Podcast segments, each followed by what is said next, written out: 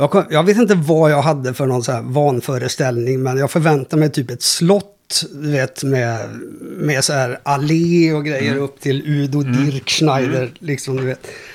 Så tar vi en taxi ut till den adressen.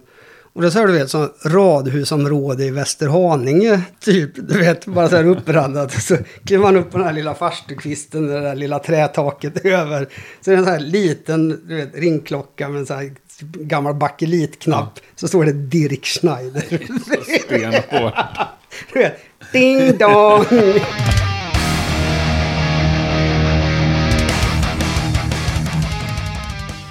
Då vill jag hälsa dig extremt varmt välkommen till avsnitt 200 av Rockpodden. Och för att fira lite extra så åkte jag denna vecka hem till en riktig supergäst. Roger Nibeland. Han är en man som har jobbat med i princip allt och alla. Och i det här fallet så är det sant, man säger ju ofta sådär, men vi snackar alltså om allt ifrån Anders Glenmark till Yngwie Malmsteen. Det är Candlemass och det är Kalle Moraeus och det är E-Type och det är Europe och det är Glenn Hughes, Motorhead, John Ossie, Refused, Takida, Stiftelsen, Hellacopters, Dileva, Thomas Ledin, Hammerfall, Björn Skifs, Clawfinger, Mental Hippie-Blood, Sarah Dawn Finer, Talisman, Sandclan, Tore Skogman, Soundtrack of a Lives, Therion, Lasse Winnerbäck och minst, men kanske under längst period, Udo. Och jag skulle kunna hålla på och rabbla en bra stund till. Men det känns onödigt. Ni kommer att förstå när vi börjar lyssna på avsnittet och det gör vi alldeles eh, nu tycker jag. Du lyssnar på avsnitt 200 av Rockpodden. Roger Nibeland är veckans gäst. Jag heter Henke Branneryd och jag önskar dig en god lyssning.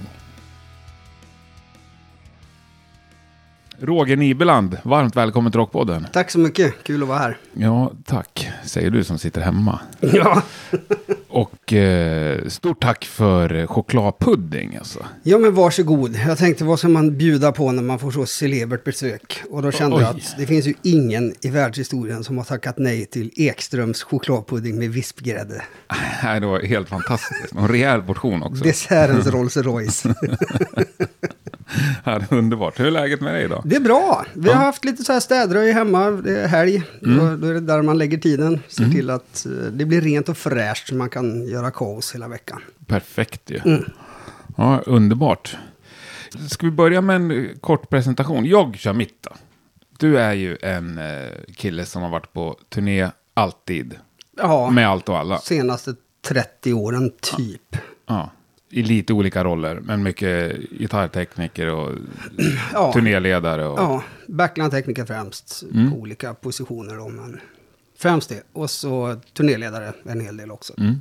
Och även faktiskt som ljus och ljudtekniker på en turné. Ja, men det är väl inte... Med vilka? Det var med Dileva. Men då var det, då var, det var bara Thomas och Fredrik Blank eh, på scenen. Och så var det två fåtöljer som skulle belysas. Och så en backdrop. Så jag satt med dubbla mixerbord. Hade all, aldrig gjort det där förut. Liksom var skitnervös. Men så tänkte jag, ah, men några jävla lampor ska jag väl kunna få på rätt ställe. Tacksam första jobb. ja, eller Ja. hur? Men det är 30 år säger du. Vilka band har du lagt flest dagar med på de 30 åren? Då Oj. börjar vi där. Ja, du. Udo är Mm. nog allra mest, tror jag. Det var, alltså, det var nog en 6-7 år, tror jag, som det var main-gigget. Liksom.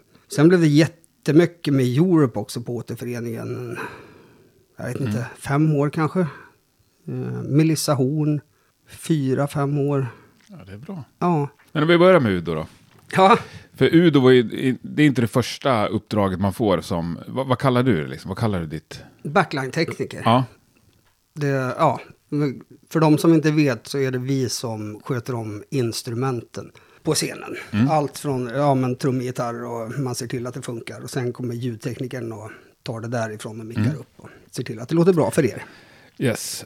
Men hur hamnar man så att man blir liksom Udos högra hand eller en i staben i alla fall? Ja, för mig var det faktiskt en ren jävla slump egentligen.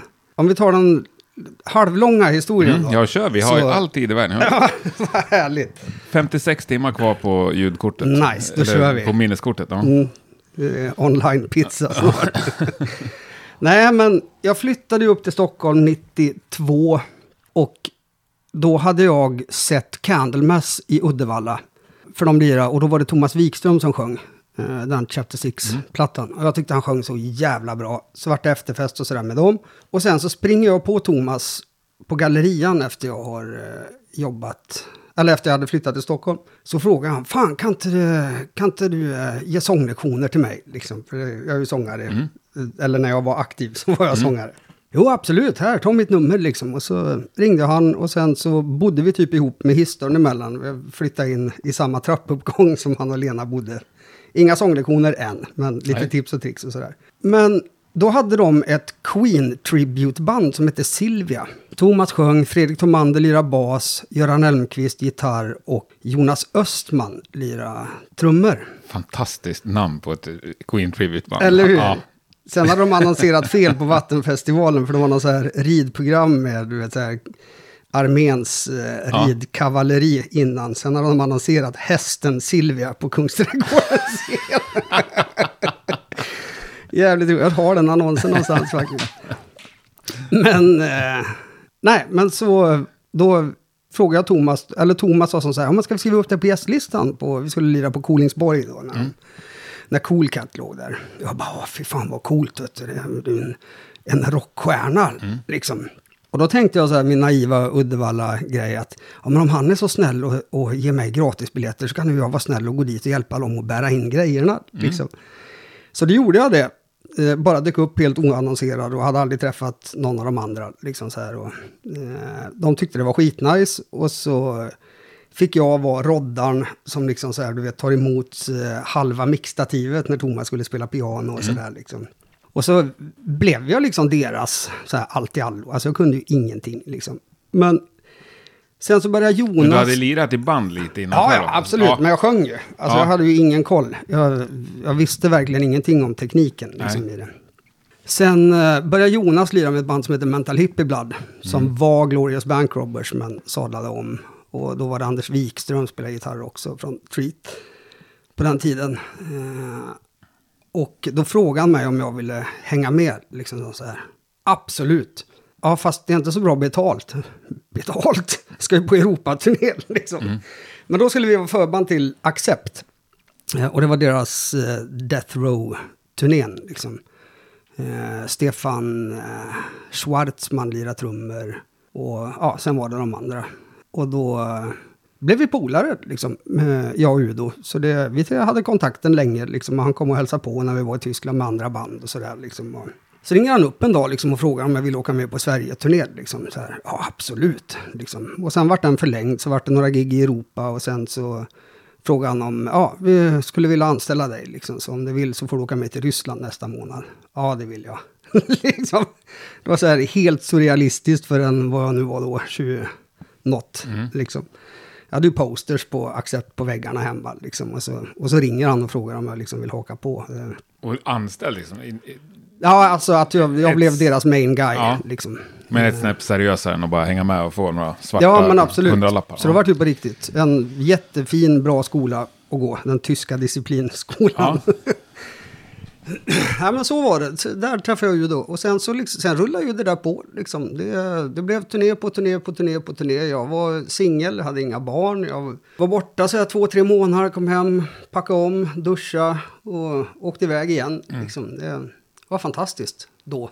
Ja, det låter helt underbart. Jag, blir liksom så, jag är så ledsen att jag aldrig fått uppleva det där. Nej, det kanske kommer. Det känns lite sent nu att börja ge sig in i det där. Mm. Jag tror att man ska vara så nu, 22 och... Ja. Fast det kan också vara någon som ringer en vacker dag. Ja, ja, men eh, fan vad roligt antar jag. Ja. Mm. Och sen har det liksom därifrån bara rullat vidare. Sen har det bara rullat vidare. Sen eh, man lär känna folk och liksom man, eh, sen är det någon annan som ska ut med ett annat band. Ja, vi behöver en trumtekniker. Ja, men vi tar Roger, det funkar bra på förra turnén. Det är ofta så det börjar. Liksom. Hur mycket har du liksom själv valt din väg? Och hur mycket har varit det som har ramlat över dig? Jag har i princip bara tagit det som har ramlat över mig. Liksom. För det har verkligen gjort det. Liksom. Och eh, jag tror det, i början så var det nog för att jag var liksom en så här ganska easygoing, kul festprisse. liksom att ha med. Vet. För jag kommer ihåg när jag skulle ut med Mental där då, Mental Hippie Jag kom ut till deras replokal när de började proddrepa och Sankan var där också och liksom lyssnade på repet. Och jag sitter och tittar på Anders gitarr bara, nu ska vi se, sladden går ut därifrån. Sen går den in i den där som man trycker på ibland, det är nog stämapparaten. Och sen går den vidare till den där stora pedalen som då var wow. Alltså, Jag satt verkligen och försökte memorera, jag hade ingen aning. Liksom. Så det var, man fick lära sig under resans gång. Ja, liksom. verkligen. Men det var skitkul när det började brumma och sådär. Ja, vad fan kommer det här ifrån? Liksom. Men har du varit liksom tekniskt intresserad? Ja, det har varit. Alltså jag är ingen så här megateknisk tekniker. Liksom, alltså jag, eh, ja, vissa saker kan man väl liksom felsöka i förstärkare när de brinner upp och sådär. Man kanske hittar någon lödning som har släppt eller sådär. Men det lämnar man ju in, liksom, oftast. Till de som faktiskt kan det och gör det riktigt bra. Liksom. Säkrast så. Men eh, om du sa att du har tagit det som en ramlöven, men det måste ju ha hänt att saker har liksom krockat i kalendern. Ja, det har du ju såklart. Och då har du ju Det, ett då val. får man, liksom. ja, då får man ju prioritera. Liksom. Vi hade ju till exempel en grej som fortfarande gnager mig lite. Men det var när vi hade börjat med Europe där på återföreningen. Liksom, då eh, var, ringde Pontus mig. För då skulle de åka Pontus. för, Norgren. Eh, För de skulle lira förband till Whitesnake på Hovet tror jag. Med Sandclan. Så frågade de mig om jag kunde hjälpa dem. Liksom. Och, ja, absolut, det är klart jag kan göra det. Och, eh, ja, alltså, och de söker också en, en trum och bastekniker här. Så det, vi, jag har ordnat möte där med Marco Mendoza och liksom sådär. Så får du träffa resten av crewet och sådär. Och vi träffade dem och pratade liksom så här. Och det lät ju jätteintressant. För det hade ju naturligtvis varit asgrymt att haft det på W på CVs, CVt. Liksom så här Whitesnake. Alltså det är ju naturligtvis gamla husgudar liksom.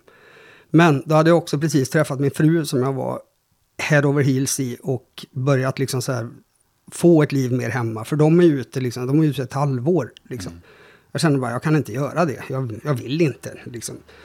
Tio år tidigare så hade jag nog lätt gjort det, men, eh, men det var sak har sin tid. Liksom. Men det var en sån där grej som jag gärna skulle vilja ha gjort, men under andra förutsättningar. Men då var det ju det, jag fick ju prioritera. Liksom. Och då prioriterar jag livet istället. Liksom. Det var väl rätt med Ja. facit i handen. Så verkligen, Ja. tre, tre barn senare och sådär så är det... Ja, och en schysst villa. Och en schysst villa och en stuga.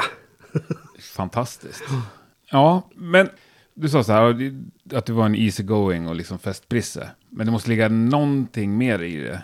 Ja, alltså, jag tog ju, även om jag liksom partajade mycket, vilket alla gjorde när man var liksom 23 eh, på turné. Alltså du vet, börja få betalt för att åka jorden runt med liksom eh, dina gamla husgudar och det bjuds på sprit dygnet runt. Alltså det, det är svårt att, ah, men jag ska nog gå och lägga mig nu. liksom. Ja, fast vi är ju i Madrid. Ja. Och jag vet. Fruktansvärt svårt måste. Ja, det går ju inte. Eller, alltså, och det var heller, jag har aldrig haft några alkoholproblem heller. Liksom. Jag dricker ju sällan hemma och sådär. Liksom. Så det har aldrig varit en issue. Liksom. Men det var också jävligt kul hårda år. Men då orkar man också. Liksom. Då kunde man partaja sju dagar i veckan och så vaknar man och så skakar man lite på huvudet och så var man klar igen. Nu är det ju så här, dricker man fyra glas vin så är det fem dagar att bli sig själv igen. Ja, det- måste ju vara en otroligt viktig egenskap att inte bli bakis. Nej, det går ju inte. Nej. Och det, alltså, skillnaden där också är ju att om man backar till så här, du vet, 70-talet till exempel, när det var mycket mer än bara sprit inblandat då bland tekniker globalt. Eh, då var det ju liksom att då hade du inte så himla mycket grejer heller. Liksom. Nu finns det ju liksom gitarriggar som man nästan måste vara liksom dataingenjör för att få funka. Liksom. Och då kan du inte sitta där och vara bakis, hög, full. Liksom. Det, det går inte. Nej. Du får inte ihop det. Så det, ska du felsöka sen då när någonting börjar? Men har du varit med med sådana gitarrister liksom på nyare eller på senare tid? Nej. Det, alltså, nu har det blivit en revival sen ganska många år tillbaka igen med ganska stora pedalbord och sådär och loop-switchar och det. Det är ju inte superavancerade grejer. Eh, men det, det ställer också till mer problem som man också måste kunna förutse och förebygga. Till exempel att vintage är ju det som är hetast fortfarande. Liksom. Vintage plockar väldigt lätt upp störningar i form av brum och strömstörningar och oljud. Liksom. Det, det hände ju med Glenn Hughes en gång, liksom, hans trådlösa. Det började plocka upp radio mitt under gig. Liksom. Så då, då var jag tvungen att, att koppla in honom på sladd. Liksom. Mm. För han hade ingen, så här, man kunde inte byta frekvens då det var billigt system. Du sprang bara ut och tryckte i en sladd. Ja, så fick det bli så. Liksom. I vilket sammanhang jobbar man? Backline också. Mm. Flera turnéer. Ja, första gjorde jag 94. Då var det ju med, eh, med John Levén, Mick Mikaeli och Hempo först. Och sen försvann Hempo och så vart det Ian Haugland istället. Han har haft så, otroligt mycket svenska musiker. ja, och och så Thomas. Thomas och Bojen från Borlänge också Ja. på, på gitarr. Den turnén.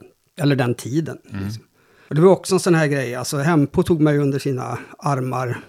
Verkligen. Eller vingar. För det, jag flyttade ju upp liksom med Klara Kemp och Mia Kemp. De här Chattanooga-systrarna. Mm, De lirade på Mårtens krog i Uddevalla med det som var kvarlevorna ur damorkestern. För de startade ett eh, coverband som hette Hey Baby Band. Det var Klara Barbro på gitarr, Sara Edvardsson på bas, eh, Elisabeth Engdahl och Helena Östblomberg, tror jag han hette. Och det vart massa fylljam, du vet. Och vi åkte efter dem och ockuperade deras hotellrum. Så de fick dela rum fast de inte ville, för vi söp sönder deras. Mm. liksom. Sköna polare. Ja, verkligen. Men vi gillade dem som fan och de gillade oss också. Och jag var uppe, jag och Peter Scherman var uppe och bodde hos Klara och Hempo när de bodde på Älgö under Vattenfestivalen ett år. Liksom. Ja, var de ett par alltså? Ja, de var ett par på den tiden. Och jag kände direkt bara att fan, det här är min stad. Jag vill bo här. Liksom. Och nämnde det bara så här, du vet. Vi satt och åkte bil liksom. Fan vad coolt, här vill jag bo.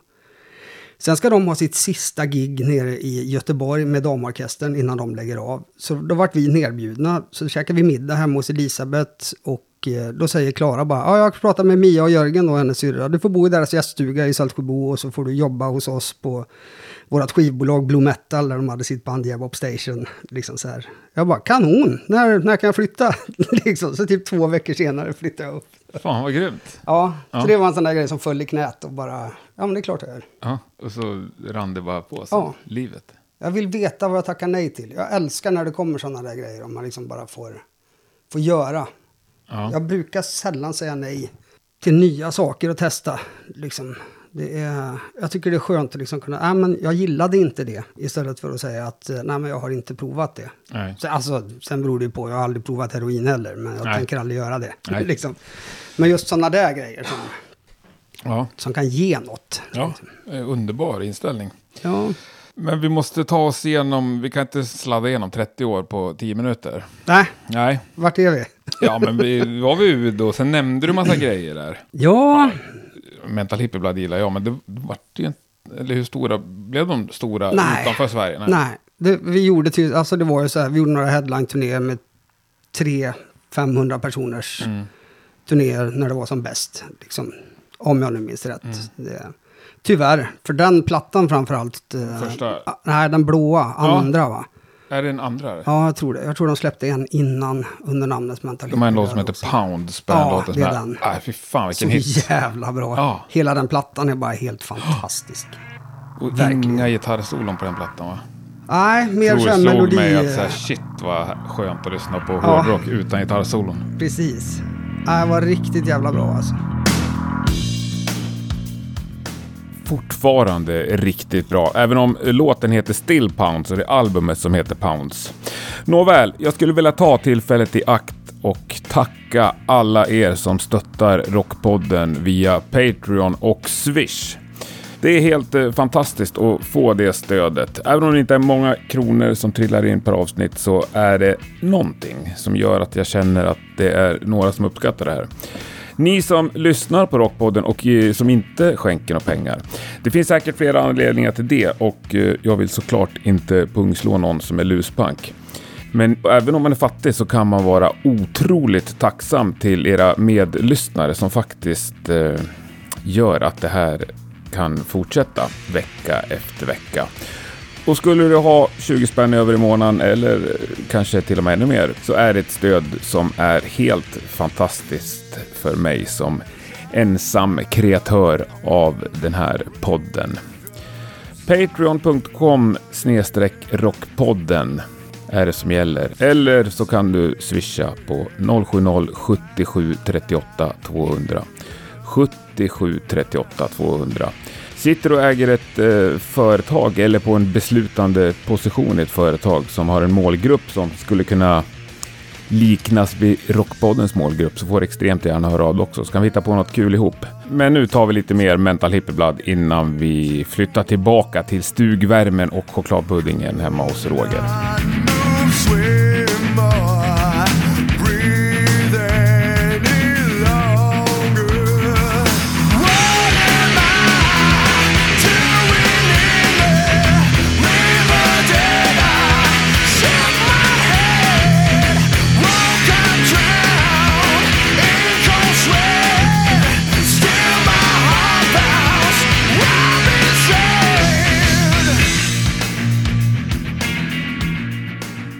Men, nej, men vi kan ta det här när vi har träffats förut. Vi har ju haft en hel natt ihop som var så jävla roligt. Då tror jag att du var på turné med vildsvin, kan det stämma? Oj! Jävlar, det var inte i förrgår heller. Nej, men du nämnde ju Tom Ander. där. Ja. Nej, när kan det ha varit då? 90... Fyra, fem kanske? Nej, senare var det. Var det det? Ja, 96? där någonstans Ja. skulle jag gissa. Sju kanske. Shit. Sex, sju. Mm. I eh, Bollnäs tror jag. Järnvägshotellet? Nej, det var på den Ljusdal. festivalen som nu heter Karlslundsrocken eller Karlslunds, på någon halvö utanför Ja, Bollnäs. stämmer. Där var det otroligt trevligt. Kommer ihåg att vi hade.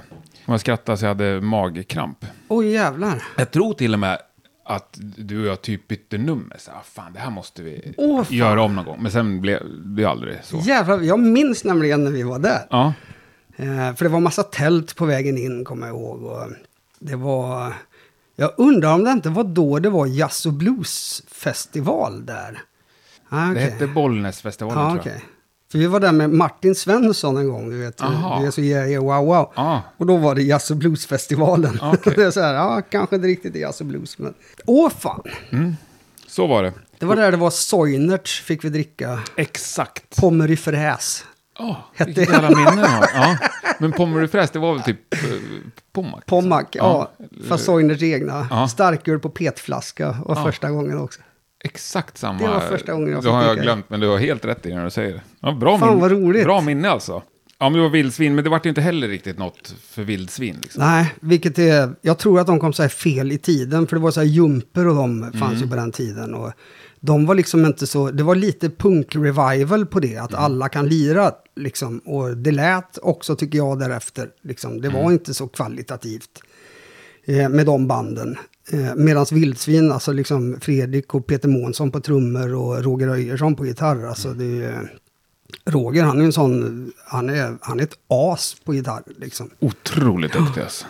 Han var också med och vicka. Vi gjorde en tioårs eh, reunion med oss i bandet som Ah. jag berättade om på, på Anchor här för några år sedan. Eh, och då kunde inte Pontus eh, och inte Kulle heller. Jag frågade Kulle. Men Roger hoppade in och bara, du vet, aldrig repat. Han bara går in, sätter prick allt. 100 procent liksom. En fantastisk Ja, ton men i fan. fingrarna. Och så är han makalös basist också. Liksom, om du lyssnar på Kamchatka. Liksom, Ja, just det. Ja. Där lirar han bas. Svänger ju så det är. ja. ja. Nej, jag ska försöka få han till den där micken någon annan dag. Ja, Ska vara inte helt omöjligt. Yngve har skrivit här, för det, jag, alla som jobbar med Yngve, det måste jag prata med dem om. ja. Hur och när och var.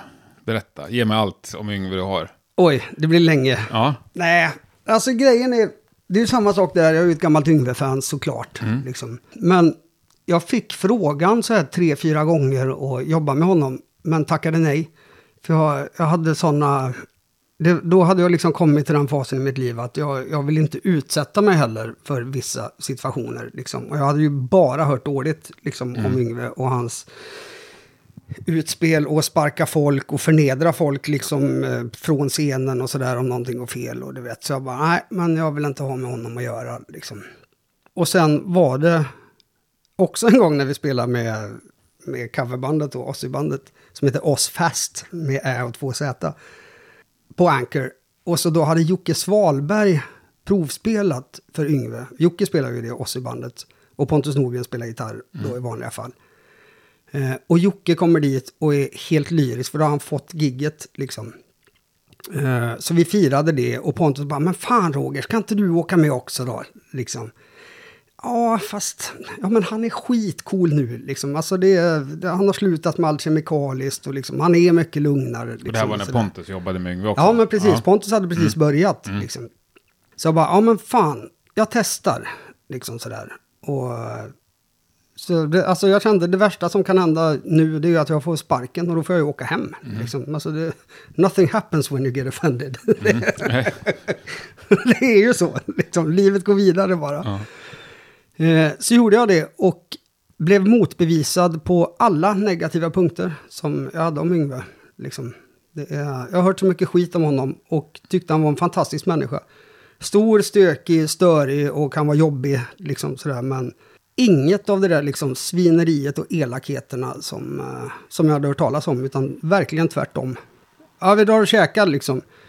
Eh, Ja, jag stannar kvar här för det, jag, jag vill inte lämna gitarrerna liksom. Åh fan, vi måste ju se till att Roger får kök. Liksom. Vi måste fixa hit mat till Roger. Liksom, väldigt omtänksam. Ja. Liksom, och sådär. Så det, jag hade jättegärna jobbat med honom igen. Men eh, det sket sig lite på managementfronten när turné nummer två skulle dra igång. Jag lyssnade ju på din podd med Pontus där bland annat. Och det där wrong number, det var ju när jag hade sett Yngve på Moreus med mera. Så skickade jag ett sms till honom, liksom så här, fan, ser att du är i Sverige, liksom, det, hör av dig, så kan vi ses, liksom. Men då är det ju att hans fru har ju hans mobil, liksom. Och så kom svaret bara, wrong number. Ja, okej, då är det, det är över. Det är fan Liksom. tråkigt alltså. Ja, det är det. För vi hittade varandra. Alltså, vi hade skitbra så här. Jag och Yngve. Det, jag höll ett avskedstal för honom på turnén där jag berättade just det här. Liksom. Det, min välsignelse och min förbannelse är att jag ibland kan vara så här för ärlig. Liksom. Men då berättade jag precis det här för Yngve. Liksom, att fan, jag hade, jag hade sådana förutfattade meningar om det. Men jag gillar verkligen dig. Liksom, och jag har haft en fantastisk tid. och Jag hoppas vi får jobba ihop igen och bla bla. Liksom. Då petar han upp du vet, fingret så här under Porsche-bilderna och så torkar han tårar. Liksom. Och då slog det mig så här att det är nog inte så många som har varit så här genuint hjärtligt snälla med honom. Liksom. Utan han har fått vara Yngve. Liksom. Och så Ja. är man där och Hey dude, radical, what's up? Eller så eh, är man kanske ja-sägare eller så är man bara rädd. Liksom. Och alla runt han, i princip sedan han var tonåring, har liksom jobbat åt honom. Ja, men precis. På ett eller annat sätt. Ja. Och han har alltid varit Yngve Malmsten. Ja. Aldrig liksom en skön Aldrig polare bara. Ja. liksom. ja, men så var det. Så jag märkte verkligen att han, han blev jätterörd av det. Och Mm. det tyckte jag var jättefint också. Eh, Så det var våran moment. Men så tragiskt ändå att det inte blir något mer. då, Att det Ja. inte... Det skulle ju bli något mer, men...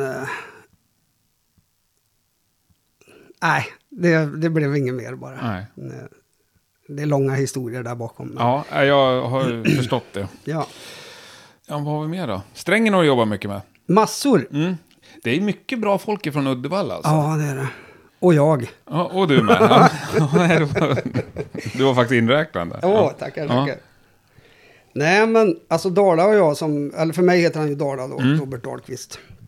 Eh, vi har ju känt, det var ju en av mina äldsta vänner, liksom. Eh, så när jag var fritidsledare på fritidsgården på Tureborg, då brukade han komma dit och hänga liksom med, eh, med andra folk som var där, liksom.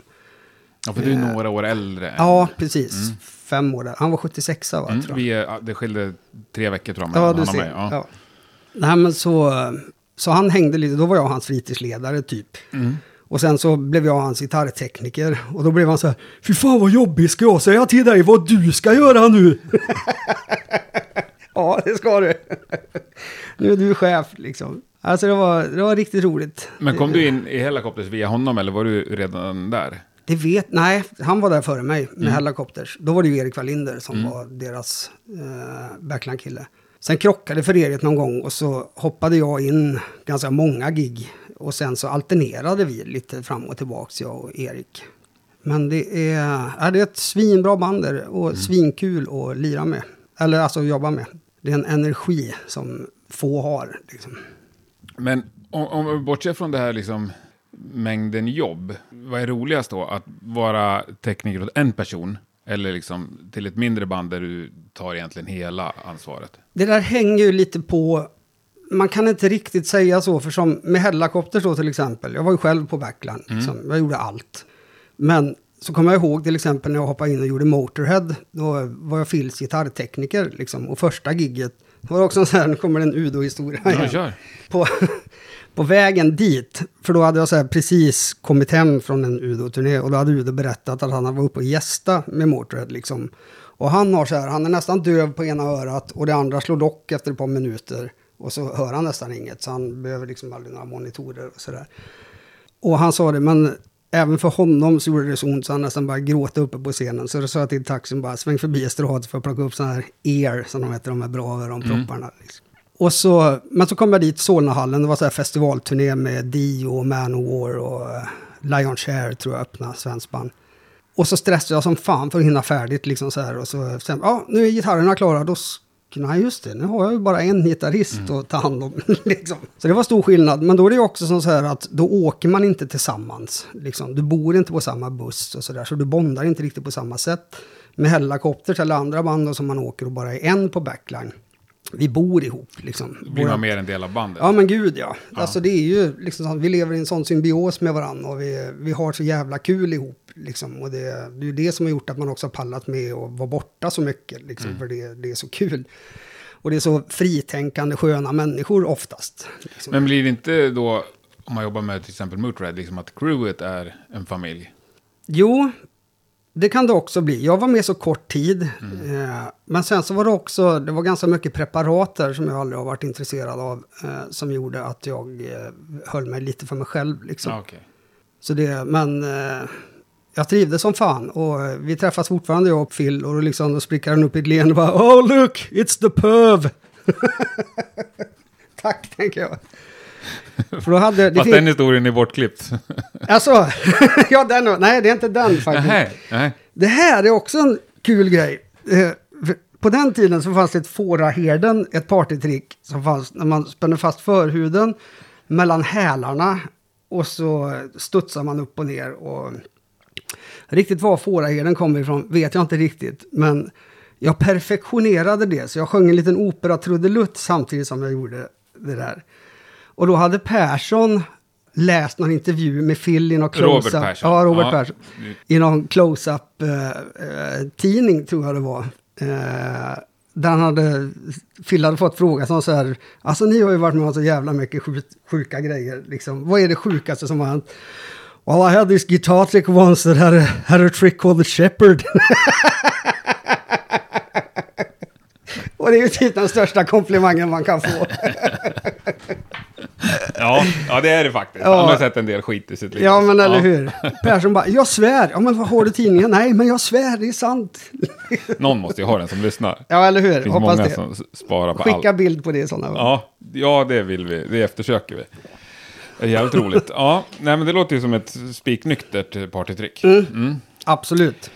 Men du har lirat lite på sista år också. Ja, det är... Tänker du på stiftelsen? eller? Exakt. Ja. Jag jobbar ju med Takida, om det var precis innan Curly Sue var släppt som singel, eller precis i skarven. Ja. Liksom. Och det är ju typ, vad är det nu, 15 år sedan eller något. Liksom. Ja, mer. Mer än då, ja. Men då kommer jag ihåg vi hade premiär på Nöjesfabriken i Karlstad. Ingen som jag kände av branschfolk hade hört talas om Takida. Bara, vilka är det? Verkligen ingen. Kommer vi dit och så är det utsålt. Publikrekord på stora Nöjesfabriken i Karlstad. Alla sjunger med i alla låtar hela tiden. Jag minns att jag bara stod där. Hur fan kan jag ha missat det här? Hur fan kan det här ha gått hela musikbranschen förbi? Liksom? Det, det är ju en jävla unik historia. Ja. Verkligen. Och Jag- de sålde ju typ guld på sina demos. Ja, Liksom. jag jobbade på eh, studieförbund. Så samarbetade vi med en fritidsgård som hade någon sån här gårdsråd liksom, med åtta ungdomar. Så var på möte med dem, vi skulle anordna en musikfestival. Ja, Eh, ja vad vill ni ha för band liksom? Alla sa bara Takida, jag bara aldrig hört talas om. Nej men det, det är det jag vill ha, okej. Så lyckas hitta på en, så jag bokade dem till den där gigget. Och jag tror vi sålde 600 biljetter. Och det var ett nyktert gig. Ja, liksom, visst. en mil utanför stan i Gävle.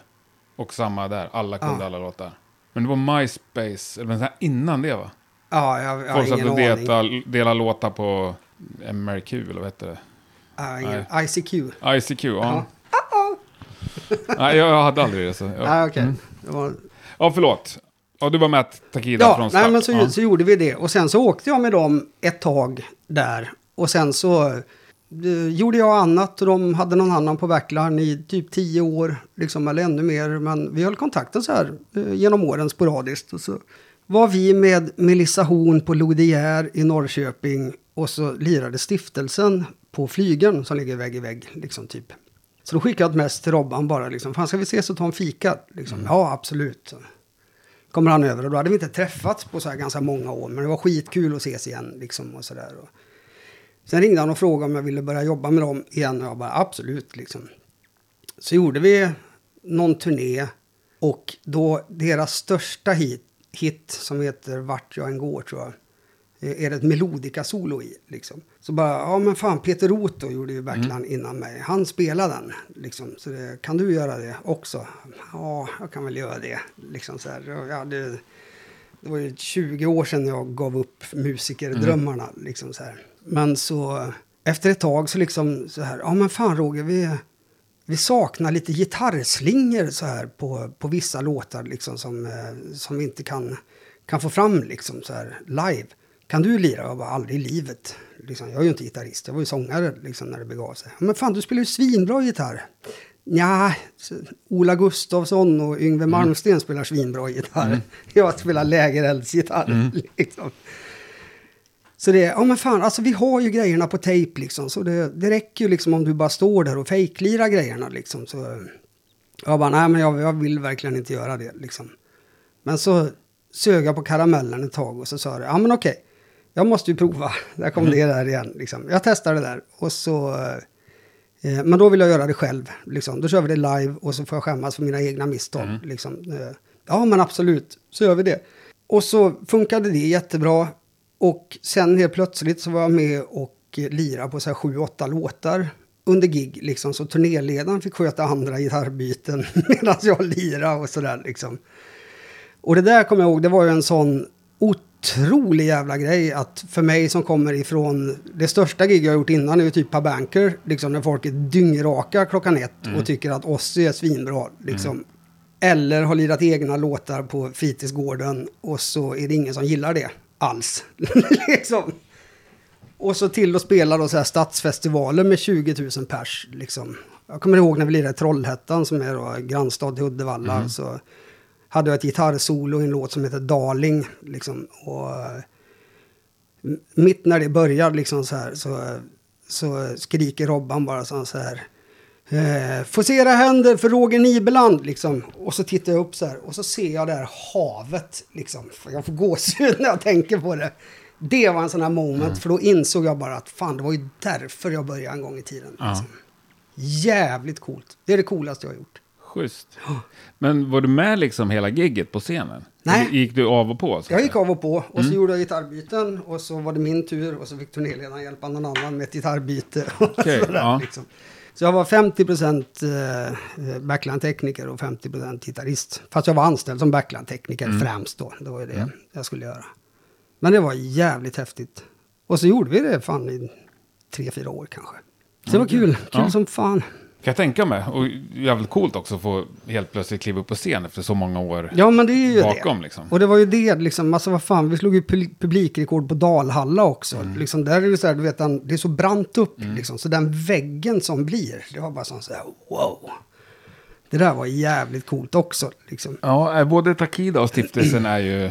Ja, ja de håller ju sig liksom utanför. Ja, vilket är De säljer ut jättekonstigt. Globen, men det är ingen som pratar om dem. Ja, förutom i så här hårdrocksforum när man tycker det är kul att lägga ut skämt om att Takida är dåliga. Ja, det där var så jävla roligt också, för vi var ju på, i Gävle på Getaway-festivalen Mm.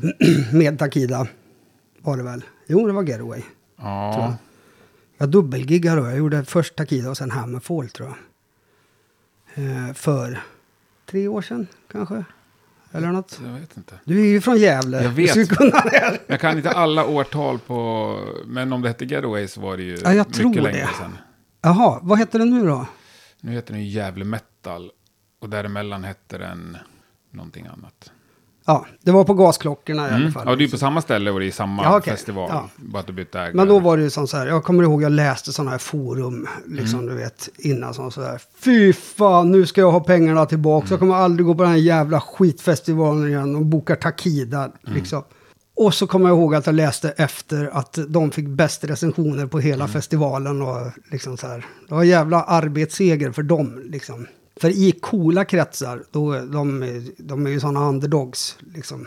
Något så in i helvete. Och det är så här att det verkar fritt fram och bara pissa på dem. Ja, men precis. Men lite som Sabaton också. Det är, Ja, ja. Jag gillar inte Sabaton, men jag pratar heller inte skit av dem. För Nej. det, folk får gilla dem. liksom. Nej. Och säljer man ut Globen eller som Sabaton så kör en ishallsturné i Sverige. Även om den inte blev av. Så liksom. Ja, det är Du- all du behöver respekt liksom till inte det. bevisa liksom. något mer. Nej, Nej, precis. precis. så. Ja. Jag håller med. För jag, jag har aldrig träffat någon som har nått liksom högre än vad de förtjänar. Har du det? Nej, Har du träffat någon som har fått någonting gratis i musikbranschen? Någon som har åkt räkmacka? nej. Det, alltså även som så här om man tycker nu att Idol då till exempel är en räkmacka. Liksom, så är det ju ändå en artist som någonstans har lagt ner jävligt mycket tid på att stå hemma och lära sig att sjunga. Liksom. Det är ju en skola Ja. det med. Alltså timmarna som läggs ner på att öva sig fram till man faktiskt blir bra på att sjunga. Och att man sen då inte liksom har artisteriet i sig när man kliver upp på scenen. Vilket är självklart när man kommer hemifrån. Mm. Liksom. Det är, jag har även all respekt för dem. Ja, ja, men det är Det ju är- också en talangjakt liksom. Du Ja, söker det är inte det. färdiga... Ja. Vi Och- hade Rock of Bohuslän Mm. på, på min tid som var en talangjakt. Där fick jag hederspris faktiskt som Bohusläns bästa sångare av Jim Gidhed som delade ut det från, sant? från Alien. Shit, vad stort. Ja, Men vad sjöng du för band då? Finns det någonstans vi kan lyssna på det här lite? ah, jag vet inte. Då var det ett band som hette Lost med eh, Robban Hakemo som lirar med de här Man, eller vad heter de? Eh, han brukar jag messa med ibland. Ja, Nu, nu för tiden. Ja, vad roligt. Han har ett band som heter...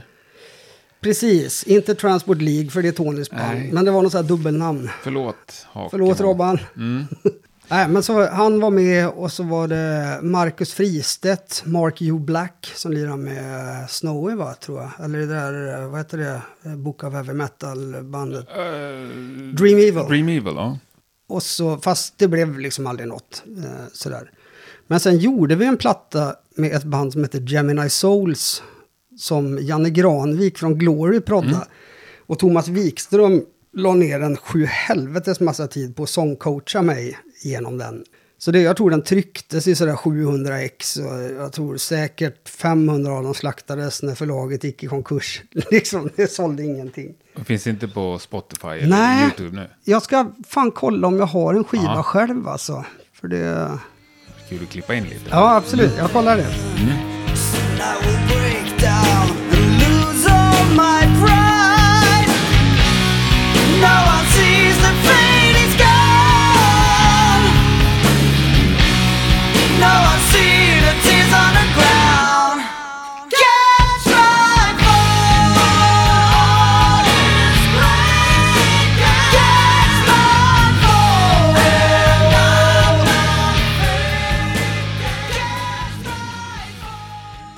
Men där var det så här, Jonas Östman lirar trummor på den till exempel. Sävis lirar bas. Service. Eh, Chris Goldsmith kallar han sig, spelar med något så här eh, hårdare band. Crawley tror jag han spelar med. Fan, jag tror jag har några polare som Ja. gick på MI samtidigt som han Ja, men precis. Han gick där. pratade otroligt mycket om den här service. Men undrar om jag någonsin har träffat honom. Nej. Det vet jag inte. Svinbra basist. Ja. Är Suverän faktiskt. Jätteduktig. ja, grymt. Jag var med då. Backyard Babies. Jag skriver upp lite här om vad jag har lyckats snappa upp att du har jobbat med. Ja, Hardcore Superstar. jag, jag kan få berätta en så här Kör. sjukt rolig Udo-historia. Ja, gärna. För det, det var så många år där som Mm. var, alltså jag skulle kunna sitta i två timmar och bara babbla de gamla minnena. Liksom. Mm. Men det var en grej, jag kommer ihåg, vi hade en day off. eh, Så här, och så skulle Udo bjuda på middag eh, hemma hos sig. Så det var första gången jag skulle hem till honom. Han bjöd alltid liksom hem oss när det var lediga dagar nere i Köln-området. Mm. Han bodde i Polheim, hette det. Jag, kom, jag vet inte vad jag hade för någon så här vanföreställning, men jag förväntade mig typ ett slott, du vet, med, med så här allé och grejer upp till Udo Dirk Schneider, liksom, du vet. Så tar vi en taxi ut till den adressen. Och det så här, du vet, som radhusområde i Västerhaninge, typ. Du vet, bara så här uppraddat. Så kliver man upp på den här lilla farstukvisten, det där lilla trätaket över. Så är det en sån här liten, du vet, ringklocka med en sån här gammal bakelitknapp. Så står det Dirk Schneider. Stenhårt. Du vet, ding dong! Så hör man hur det bara hasar där inne. Då kommer Udo och öppnar. Då har han på sig så här vita mjukisbrallor och vita lite så här myggjagerformade tofflor liksom så här inomhus. Och jag kände bara att fan kom igen nu. Ta på dig skinnbrallorna i alla fall liksom. Det var så jävla roligt. Ja, underbart. Men har du kontakt med några av de här fortfarande? Ja, s- sporadiskt men... eh, men eh, Mm. Hur mår händer. Udo nu för tiden? Han flyttade ju till Ibiza för massa år sedan. Han och Elke separerade. Och så hörde jag något om att han... eh, Att han har en lägenhet i Sankt Petersburg också. Att han träffar någon där. Jag är osäker på det. Men jag tror han mår ganska bra. Jag träffade honom på Sweden Rock för massa år sedan. Och då var det sånt så här. Då hade inte vi träffats på ganska länge. Och vi var ju jättenära. Liksom så här. Så satt vi så här i säkert ett par timmar och han bara, du vet, berättade liksom vad fan min fru har träffat en annan och han var så här skitledsen. Och vilket är fint att liksom lyssna på en vän sådär och samtidigt så ligger det i bakhuvudet det där, du vet den här Balls to the Walls-affischen som vi hade på pojkrumsväggen. liksom, och han sitter nu så här och halvgråter när han har separerat. Liksom. Ja, Konstiga vägar liksom. ja, jag tänker mig. Men du, ska vi ta oss till nutiden? Mm. Eller halvnutiden. Vilken var den sista turné du var på? Eller senaste? Helikopters. Sydamerika. Ja, du var med där? Ja. Ja, det var ju när coronan bröt Ja, ut. det. jagad av vargar-turnén, verkligen. Mm. Fan, jag minns när vi, när vi landade i Chile. Och alltså, jag fattar inte att vi åkte överhuvudtaget. Liksom. Det är ju helt bananas. Men vi landade i Chile och då eh, hade vi kommit så här typ 11 timmar senare så hade vi fått sitta i karantän i två veckor. Liksom. Och då har vi en ledig dag eh, innan vi gör första gigget i Chile. Sen skulle vi packa ihop och i princip åka direkt till flygplatsen för att ta oss till Argentina, där gig nummer två var. Medan vi spelade så eh, stänger Argentina landet. Och då bara, ja, vi får inte åka till Argentina liksom. Så då, eh, då åker vi till eh, Brasilien istället, för vi skulle vidare dit sen. Så får vi en extra dag i eh, Sao Paulo, tror jag det var.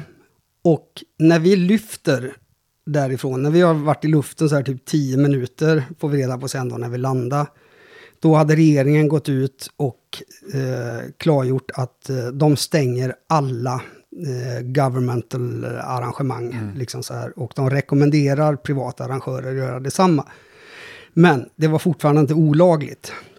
Och vi diskuterar ju det där som fan, liksom, vad, vad hamnar bandet i för dagar om de spelar ändå? Ja, det är inte olagligt, men blir det ändå liksom så här någon form av dåligt rykte? Eh, Smittspridarna. Ja, men precis. Och arrangören liksom, som ändå ska fortsätta jobba i, i Sydamerika, liksom, vad hamnar han i för, för ljus? Liksom, och kommer han få några bestraffningar i form av ekonomiska påföljder efteråt? Och, och sådär.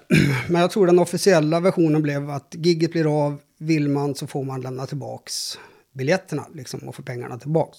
Jag tror att 200 av så här typ 2000 pers gjorde det, så det vart ändå ett bra gig. Och sen så hade vi sista gigget i någon annanstans i Brasilien. Jag minns inte var. Men då stannade vi två dagar efter eh, för att liksom bara så här få varva ner lite. Och det var en, en del av dealen som vi hade gjort. Liksom, att vi, vi får två dagar, så lite strandhäng och sådär. Liksom. Kommer vi till flygplatsen och ska flyga hem, då står det cancelled på alla flighter, utom en som är våran, som går till, till Portugal, där vi skulle Magiskt. byta till. Ja. Ah, så till, till slut så kom vi hem. Jag fick erbjudande, eller jag frågade om jag kunde få åka hem direkt efter sista gigget. Ja. Liksom, och då sa arrangören då, Gus hette han, ja, jag kollade på det liksom. Och sen tänkte jag bara, nej, fan, ska jag sitta i karantän någonstans så vill jag hellre vara med polarna än att, än att sitta själv. liksom. Så jag bara, nej, vi skiter i det, jag åker med de andra hem liksom. Men vi kom hem. Men det var ta mig fan på nåder alltså. Det var, den skulle ju aldrig gjorts den här turnén med facit i hand liksom. Men det var jävligt roligt. Det blev ju bra. Solbränd och jävligt. Mm. Bra Bränd, gig. Jag alltså. vet jag såg lite klipp ifrån där. Ja, Men eh, vad, vad hade du gjort sen? Vad, hur såg planen ut? Eff- Ja, sen efter det så Mm. skulle jag ju ha, jag skulle ha det bästa halvåret som jag någonsin hade haft, rent ekonomiskt. Mm. Kan du på- berätta utan att bli för bitter?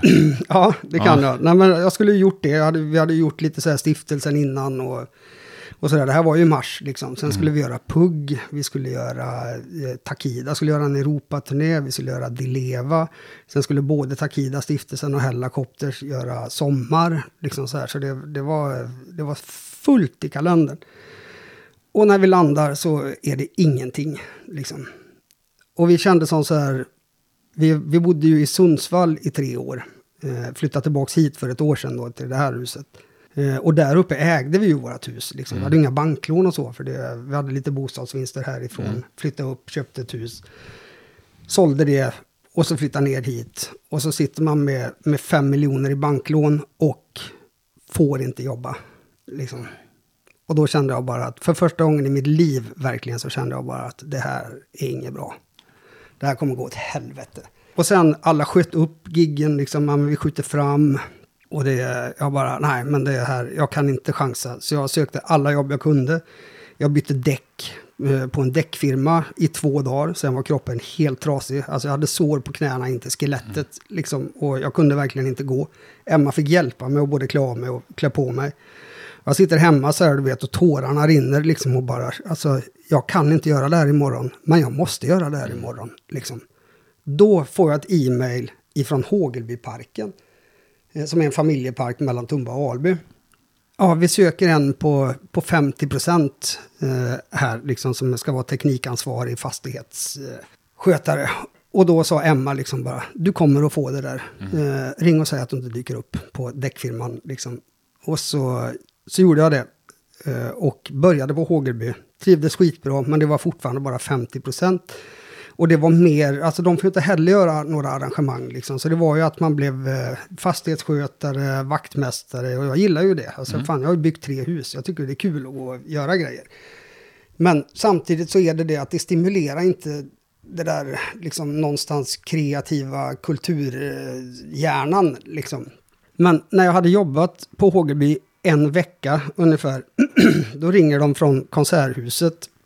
Ja, hej, jag heter Anders, jag spelar slagverk här med, med, eh, med Kungliga Symfoniorkestern. Och vi har en annons ute eh, och eh, jag blev tipsad om att ringa dig för vi skulle vilja att du söker den tjänsten. Liksom. Jag bara, alltså det här är ju helt sjukt. För, för två veckor sedan då var jag verkligen på ruinens brant. Liksom, och, och nu blir jag erbjuden en heltidstjänst. Så sökte jag det jobbet och fick den. Och mina pengar på företaget tog totalt slut i augusti och då började jag på Konserthuset. Så det var så här Ja. kugghjulsöverlappning liksom. Jag kände bara alltså någon gång måste jag ha gjort någonting jävligt schysst mot någon. Bra liksom, så- saker händer ju bra människor. Ja. ja. Och mig. Ja, nej. Ja, men, Nej då. ja, underbart att höra. Ja, men det var det. Så nu har jag jobbat på Konserthuset med symfoniorkestern. Det har liksom ingenting med teknik att göra, utan det man ser till att allt annat funkar. Du vet, det ska riggas upp för 80 pers och det ska vara rätt eh, grejer de ska ha. Noter ska ut på rätt plats. Det ska in och ut harper under föreställningar och det är flyglar som ska in och ut upp och ner ur golvet och beställa stämningar på dem och byta partitur för dirigent och liksom så här. Ett, ett helt nytt fokus som Spännande behövs. då, Liksom. kanske? Det är det. Jag älskar det. Men du byter inte strängar på violiner? Och... Nej, ingenting. Speciellt inte när det är så här Stradivarius för typ 40 miljoner. Nej. Liksom. Men byter de strängar själva? Ja, De gör det? ja. Vi, gör in, vi har ingen, ja, ja harper då. Eh, den får man liksom ta in och ut ibland så här, när den ska vara med och inte ska vara med. Och så upp och ner med flyglar. Men vi, gör ju, alltså, vi har ju ingen, ingen service på instrumenten liksom, utan det är deras. Eh, och det är skitnice är det. det är, jag trivs som fan verkligen. Så Ja, det är vad kul höra. ja, Men, jo ett litet men är det väl? Ja. Nu finns ju du liksom inte tillgänglig Nej, när världen öppnar upp igen. inte på heltid. Det är, men Eller jag kommer du säga upp det och gå tillbaka till turnélivet? Jag kommer inte säga upp mig. Eh, för det är också så här, alltså man, eller jag, eh, det är rätt nice att ha en lördag och söndag med familjen också. Vi har ju liksom, vi har fortfarande inte, efter, jag och Emma har varit ihop i 16 år, vi har aldrig haft en sommarsemester ihop. Liksom. Du vet, för det är turnétider. Ja. Så nu har man fått lite smak på det. Och det är jävligt nice och det är ett schysst jobb också, vilket också så här liksom, för jag har ju ändå mina 30 semesterdagar per år liksom, så liksom, ja men, skulle Hellacopters ringa, ja fan vi ska göra, inte vet jag, Spanien, Portugal eller Schweiz, Italien på tre dagar liksom i, i juni, kan du ta det? Ja, det kan jag, för då har jag semester. Så får man liksom göra det Ja, men lite. då blir det mer som en hobby liksom. Lite mer som en hobby och ut och ha kul och sådär. Mm. Och det är så som det känns just nu. Alltså, sen vet man inte hur det känns om, om tre år heller. Nej, såklart inte. Nej. Men jag, jag tänker mer på det att det, antar att det är fler i din sitt som har blivit tvungna att skaffa sig ett annat, en annan försörjning. Och det kommer inte vara så jävla enkelt att bara trycka på play igen. Nej. Och så rullar hela turnésvängen på. Så är det ju. För det är ju dels så ska du liksom ha, ja, om man tar från våran position då, så det är ju många som har börjat med vanliga jobb liksom. Och turné-Sverige kommer ju inte vara som så här att det sätts på play och så bara nu har du jobb i ett Nej. år fram. Utan det kommer vara trevande och sådär till en början liksom. Och då kan, det är liksom sådana som bara, ja men jag kanske kan börja jobba halvtid där och så gör jag det där halvtid. Men säger jag upp mig därifrån och så sen blir det ingenting eller det blir en ny pandemi eller så här. Då står jag på bar backe igen. Alltså det, det är Ja, jag för- många Jag förstår att det är helt liksom. omöjligt, för du, du har varit med om grejer som har skjutits upp både en och två gånger antar jag. Absolut. Och liksom, nu är det väl ingen som vet om nästa sommar ens. Nej. Nej, precis. Nej. Mm. Alltså vi skulle ha gjort PUG då i mars till exempel. Så får jag ett mail från Live Nation bara. Ja, vi har flyttat datumen till augusti. Och sen typ bara ett par veckor senare. Ja, vi har flyttat till, till februari. Mm. liksom, så det, man, man ser och än så länge är det faktiskt ingen som vet Nej. eh, vart det kommer landa. Liksom. Nej, men ja. Har, har du mer, vad säger folk, liksom dina gamla kollegor då? I turnévärlden. Många, alltså många skaffar sig ju andra Mm. sysselsättningar också. Och det är ju inget som säger att det behöver vara permanent heller. Nej, det är klart, liksom. byter man däck och, och håller på att dö, Ja. då är man nog jävligt snabb tillbaka. Ja, Men om man har absolut. lyckats skaffa sig ett schysst jobb, Ja, med semester, betald semester, och Ja. som man faktiskt gillar jobbet. ja liksom. men precis. Det är... Ja, jag trivs ju som fan. Så Ja. det, jag lämnar min framtid öppen. Mm. Jag stänger inga dörrar och eh, jag låter det bara vara som det är just Mm. nu. Och så får man, eh, får man se vad det blir framöver. Liksom. Men du ser en chef på Konserthuset, det är det inte? Mm. Ja. Kan inte du börja jobba mot att de ska vara lite som på 60-70-talet då? Man ska sitta och köra amfetamin. hela. Nej, inte så, men men- du har ju haft sjukt mycket coola konserter på Konserthuset. Ja, precis. Liksom Purple och Ja, Hendrix. jag har ju frågat om det där. Ja. Liksom. Men det är ju... Alltså orkesterns uppdrag i huset är så stor och deras eh, schema på hur de spelar Mm. och repar har blivit så mycket större än vad det var. Så det finns inte utrymme att ta in externa artister Nej. så mycket längre. För det, jag var ju också där Mm. bara, men fan jobbar du här nu? Du vet. Så det var ju ascoolt. ja, det var det verkligen. Ja. Jag var där på, jag var backline supplier när Patti Smith fick eh, Polarpriset. Så det är den enda liksom, så här, konserten jag har Mm. sett på. Men det är nästan det enda som händer också, tror jag. Ja, jag tror det. Sen är det klassiskt Priset, ja. och jazz.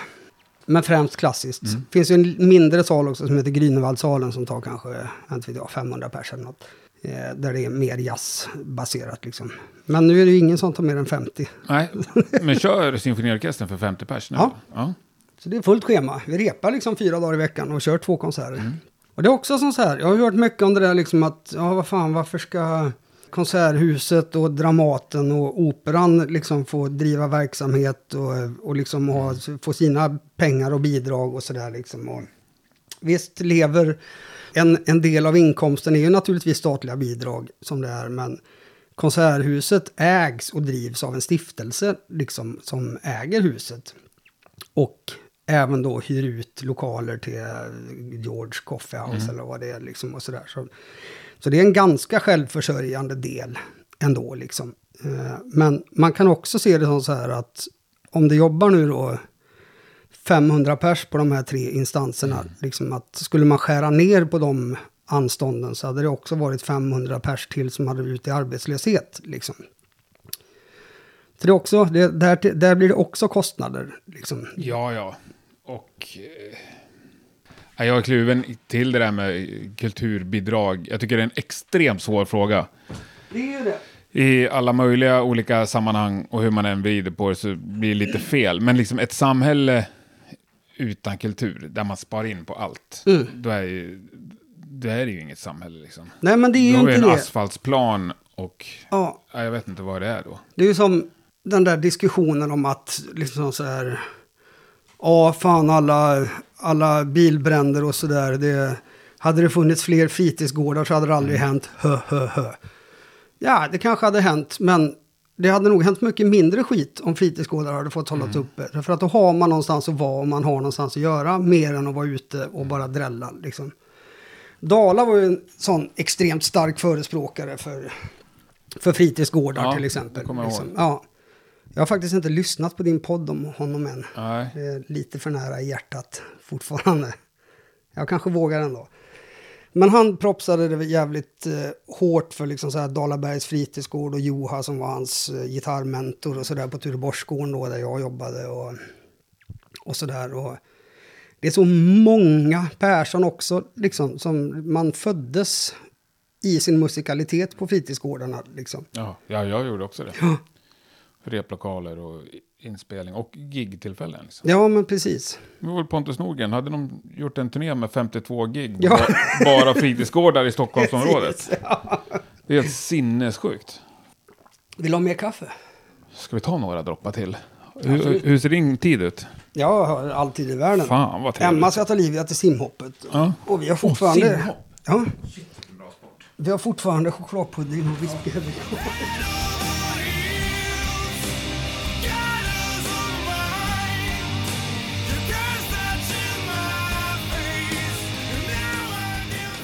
Men du, Vem ska vi prata om? Ska vi prata om Udo? ska vi prata skit om något? Nej, jag Ja. tänkte lite det här med turnélivet. Du Ja. har ändå levt på vägen i 30 år. Ja. Och nu sitter du fast anställd helt plötsligt. Ja.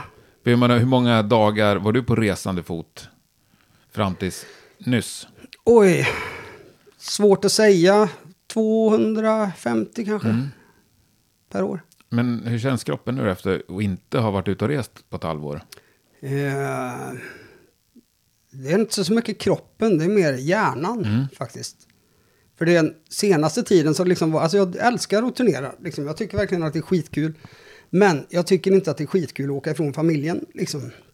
Så varje gång jag liksom plockar ner resväskan från hyllan, liksom, är- nu måste jag göra det här. Liksom. Och så längtar jag ut för banden jag jobbar med. Liksom. Alltså, jag älskar ju alla, liksom. verkligen. Jag har nog aldrig jobbat med någon som jag inte vill jobba med igen. Liksom. Eh, men det, det blir mer krävande mentalt, tycker jag, att vara ute. Och sen är det, det, det sliter ju också mer, för våra arbetsdagar är ju liksom aldrig kortare än 15 timmar. Liksom. De är ju inte det. Och det var lättare att göra det när man var 25 än när man är 49. Det, det är ju det, kroppen är tröttare liksom. Och man gör det, men man blir lite så här tröttare och man märker så här när det party på bussen så jag brukar gå upp och lägga mig först liksom och så ligger man där. Åh, vad hög musik det är där nere. Ibland är man med och stångar på själv också Ja. såklart, men eh, det är, man är lite mer vuxen och sansad nu för tiden. Liksom. Ja, men du tror inte att du kommer få tokabstinens? Nej, det tror jag inte. Jag tycker det är ganska skönt. Men sen också, man ska inte glömma bort heller att eh, turnélivet kommer att återkomma. Och eh, det kommer att fortsätta finnas. Liksom. Det, är, det kommer göra det. Det kommer resa sig. Det, det kommer bli lite omställningar och en tidsperiod naturligtvis när allt ska återhämta sig till det normala. Men, men eh, det, är alltså, det bokas ju fortfarande. Bokningsbolagen sitter ju och bokar gig. Liksom, och, Mm, bokar om i alla fall. Ja, och bokar om och även nya festivaler framöver och sådär liksom. Så det kommer ju att... Så fort det här släpper så kommer det nog att bli bra, tror jag. Ja, ja det hoppas jag verkligen. Ja. Men du sa att du aldrig har jobbat med någon som du inte vill fortsätta med. Har du aldrig sagt upp det från något? Eller hoppat av liksom? Mm, mm, mm. Det låter ju nästan orimligt. Jag tror inte det alltså. Det är... För vil- vilken personlighetstyp är absolut jobbigast att ha med sig på turné då? Fan vad svår fråga. Ska vi pausa lite? Nej, vi, vi kan klippa ner pausen. ja. Nej, men alltså.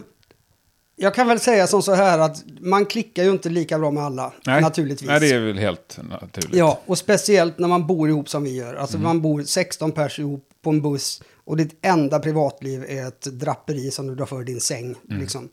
Och har du tur så är det på övervåningen, annars är det liksom en enkeldeckare. Då är Mm. man alla på samma våningsplan. Liksom. så det blir ju krävande, såklart. Men sen har man också möjligheten att jag brukar göra som så här att när jag vaknar på morgonen så går jag ut. Och så tar jag mig en så här två timmars promenad. Liksom, för det, då, jag vill vara själv. Det, och det är också en sån här grej, liksom. förr i världen så delar man ju alltid hotellrum. Liksom. Det skulle ju aldrig ske idag. Liksom. Jag stannar hellre hemma än att, än att dela rum. Det är ju ingen som säger till dem på Konsum att bara, ja, du ska bo ihop med Jörgen i helgen. Liksom. Jörgen i charken. Ja, precis. Nej, men det är ju inte det. Nej. alltså, man måste ju ha ett privatliv, man måste hinna ladda upp, man måste få, få vara själv. Liksom. Bajsa med öppen dörr och sådär, som man, behov man har. Nej, men jag kan faktiskt, helt ärligt så kan jag inte påminna mig om att jag har hoppat av något. Nej, Nej. Det har jag inte. Och oftast så liksom måste man tacka nej så är det ju för att det krockar och man redan är uppbokad på något. Liksom. Men inget sådär katastrofalt. Verkligen inte. Nej, men om vi tar andra sidan skalan, då, vilka är absolut eh, härligast att ha med sig? Liksom? Det där är också så jävla svårt. För det, det är så olika. Alltså om man tar till exempel då med...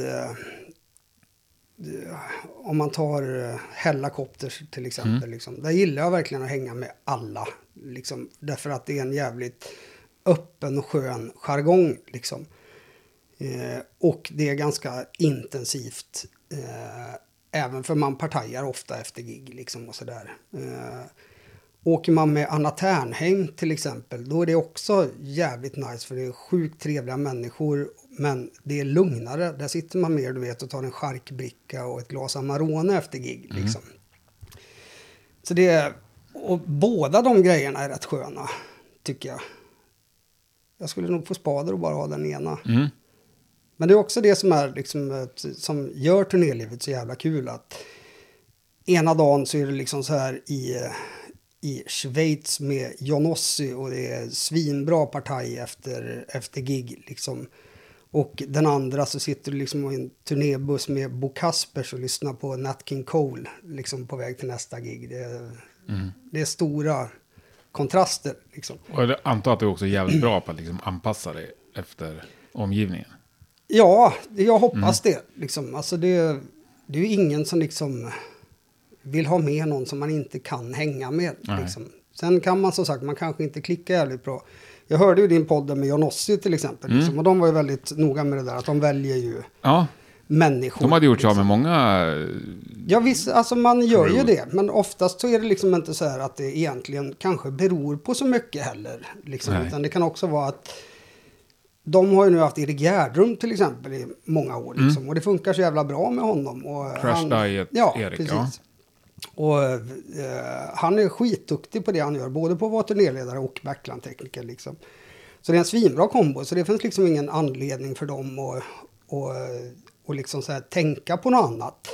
Medans det största dilemmat där skulle vara då kanske att Erik, nej men tyvärr jag har, jag har redan tackat ja till eh, 35 gig med Melissa till exempel. Liksom, som man också åkt mycket med.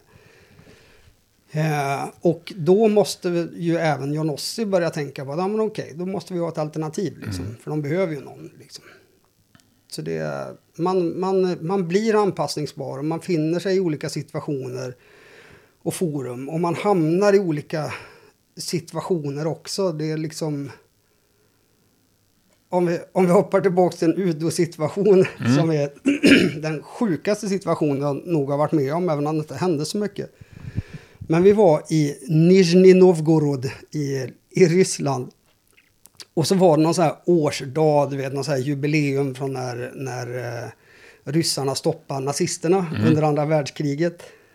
Och vi står uppe på Stadshuset på VIP-läktaren tillsammans med borgmästaren. Och det är så här paradgatan nedanför. Och så långt du kan se åt vänster så är det olika förband som står i vakt.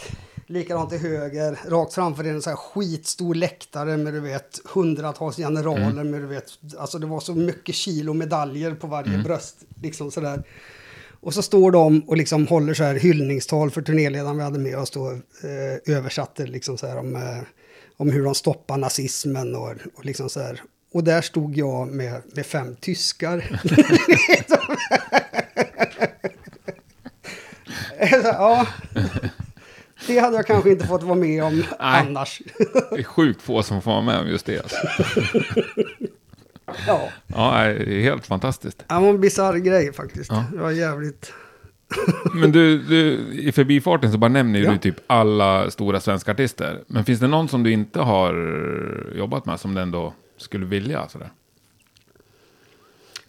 Nej, alltså för mig, det är inte så... Jag tycker inte det är så viktigt vem jag jobbar med, så länge jag trivs på jobbet. Liksom. Det är... Trivs skitbra med då till exempel John Ossi. Jag triv, trivdes skitbra med Patrik Isaksson. Eh, jag har hoppat in och gjort så här Ledin eh, på morgon-tv. Funkar också bra. Det är liksom... Jag, jag tänker liksom inte så mycket så. För mig spelar det ingen roll om det är, om det är ett band som, eh, som har sålt 300 plattor eller 300 000 plattor. Jag, jag bryr mig inte. Jag är där för att göra ett bra jobb och förhoppningsvis med trevliga människor också. Liksom. Sen tänker inte jag mer på annat. Sen är det liksom... Jag kommer ihåg när, vi skulle göra, när jag skulle göra min första turné med, med Lars Winnerbäck. Då repade vi på kapsylen liksom och så kommer det fram en, en kille med halvlångt rött hår. Och liksom, ah, hej Lasse, ah, hej Roger. Liksom, så var de där och repa och sen efter ett par veckor så packade vi ihop det där. och så skulle vi... Eh, för jag hade, så här, jag hade aldrig hört talas om Lars Winnerbäck. Liksom. Jag visste verkligen inte vem det var. Och så skulle vi proddrepa på ett ställe som heter Stream och Company som ligger på, i, vid Danvikstull någonstans där. Och det var ju fucking hangar liksom. Så jag kliver in där och så har de byggt upp, du vet, full utomhusfestivalscen. Liksom, så gigantiskt i tak med fullt ljud och ljus och liksom så här. Och, jag bara, fan jag måste ha gått fel. Liksom så här, för Lars Winnerbäck, liksom, man, det är ingen som vet vem det är. Liksom. Men det var det ju. Så vi, och jag tänkte bara att, vad fan, hur kan jag missa det också? Liksom. För han är ju gigantisk. Och är samma sak där, världens trevligaste människa. Liksom. Trivdes skitbra att jobba med honom. Liksom. Och musikerna där också. Det var liksom, det var Anna Stadlind och det var eh, Anders Härnestam, Jerker Odelholm, Ola Gustafsson, Johan Per. Alltså det var, det är ju så grymma musiker liksom. Så det blir ju en njutning också. Liksom. Bjerke Roderholm älskar jag. Ja. jag åh, han borde spela mer rock dock. Han jag. borde spela Ja. mer allt. Ja, jag var och gärna. kollade på honom på Stampen. För, nej, jo, Stampen var det. Mm. Eh, Då var det Jerker, Ola, Nicky Wallin, Mattias Torell, Ida Sandlund var med på ett par låtar. Jerker lirar bas. Jeppe Nordenström lirar keyboard också. Och det, du vet, de körde blues och jazz liksom. Mm. Och man står och trillar fan baklänges av hur det liras liksom. Och Ola är ju... Vi brukar prata om det, eh, eller jag har sagt till honom så många gånger, liksom, han är en av mina absoluta favoritgitarrister i världen. Det är punkt. Både på hur han färgar, hur han spelar, tonen han har. Liksom, det, det är så här, man önskar nästan att han var en soloartist. Du vet. Så det, men han sa det, ja alltså, jag är bra på att få andra att låta bra. Liksom. Och där har man hela den där ödmjuka nyckeln till att vara en sessionmusiker. Liksom. Det hans främsta uppgift som han är expert på. Det är, att, det är att få de andra att låta så bra som möjligt. Liksom. Ja, det är ödmjukt alltså. Ingen prestige. Men du hinner med alltså gå och kolla på gig ibland?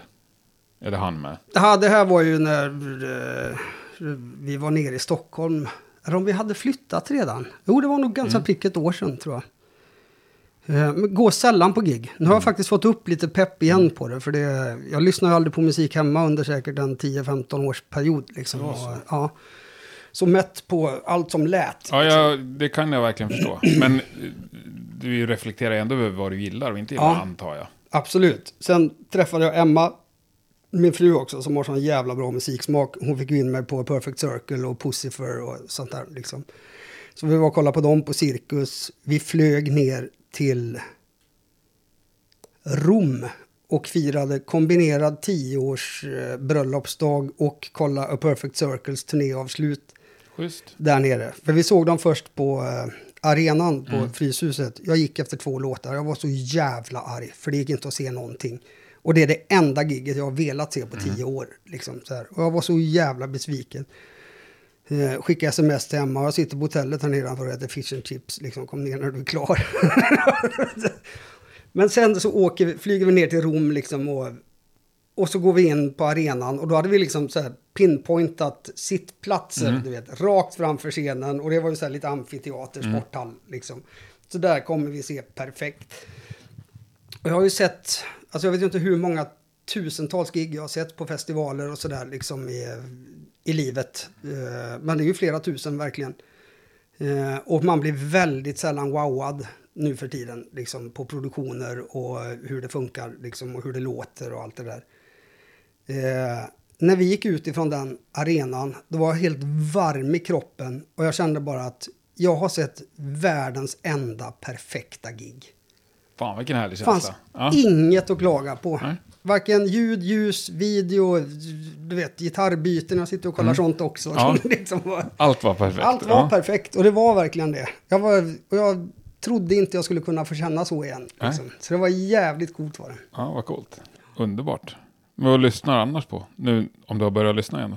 Ja, det är det. Det har jag också upptäckt för några år sedan. Vi hade en merge-kille med eh, stiftelsen och Takida eh, från Skottland som introducerade oss till ett band som heter Father Son. Skotskt band i ett ord som är så indie-pop. Liksom. Svinbra verkligen. Men du, åh! Förlåt! Ja, nej, det är lugnt. nu distade Det här gillar jag. Kör, kör. Eh, finns ett Karlstad-band som heter Vulkan. Ja, Har du hört dem? jag hade deras tisha på mig i fredags tror Ah, men dra åt helvete. Mm. Det är ju det bästa som har gjorts. Ja, det är jävligt bra. Det är coolt. Satan alltså. Mm. Det, det blev så här liksom. Det var Thomas Björling, en kompis i Sundsvall, som bara... "Ja, Nu måste lyssna på Vulkan, det låter som en blandning av det här och det här. Sjunger de både på svenska och engelska? Ja, kanske. Och så spelar Emma upp det, för hon gillar ju att leta ny musik Mm. liksom. Och jag var totalt jävla golvad alltså. Ja, det är skithäftigt. Här. Satan vad bra! Mm. Och progressivt men inte så här Dream Theater-jobbigt liksom. Nej, och det är ju så här... Jag har ju faktiskt skaplig koll på svenska, lite mindre band. Och så när jag fick höra dem så bara shit, det här vill jag se live. Ja, Men det här var ju precis. kanske drygt halvår sedan. Så bara, nej, det kommer inte ske. Så jag faktiskt beställde en tisha av dem.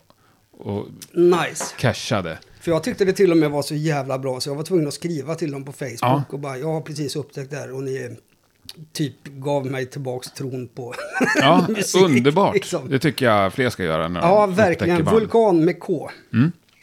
Svenskt Karlstadband. Ja, Det är för jävla bra alltså. mm, kul. Gillar din reaktion där. Ja, För det finns mycket bra i Sverige. ja men det gör det verkligen. Ja. Det, det gör det. Finns det något du har jobbat med som du har tänkt att de här kommer ju bli världsstora? Som liksom inte har lyft sådär? Som har förvånat dig?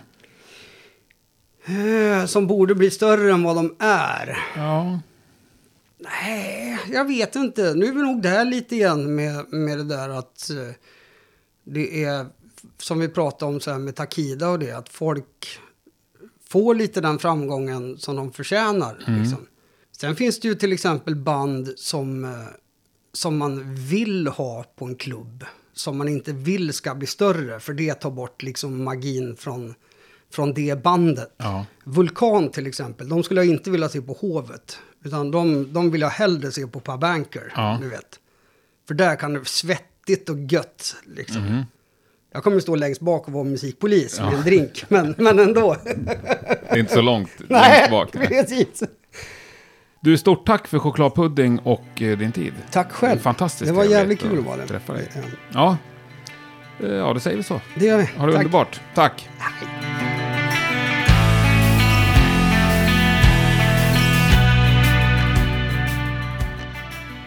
Ja, än en gång tack Roger och stort tack till dig som har lyssnat. Nästa vecka är såklart Rockpodden tillbaka med en ny spännande gäst. Ha det underbart, så hoppas att vi hörs då.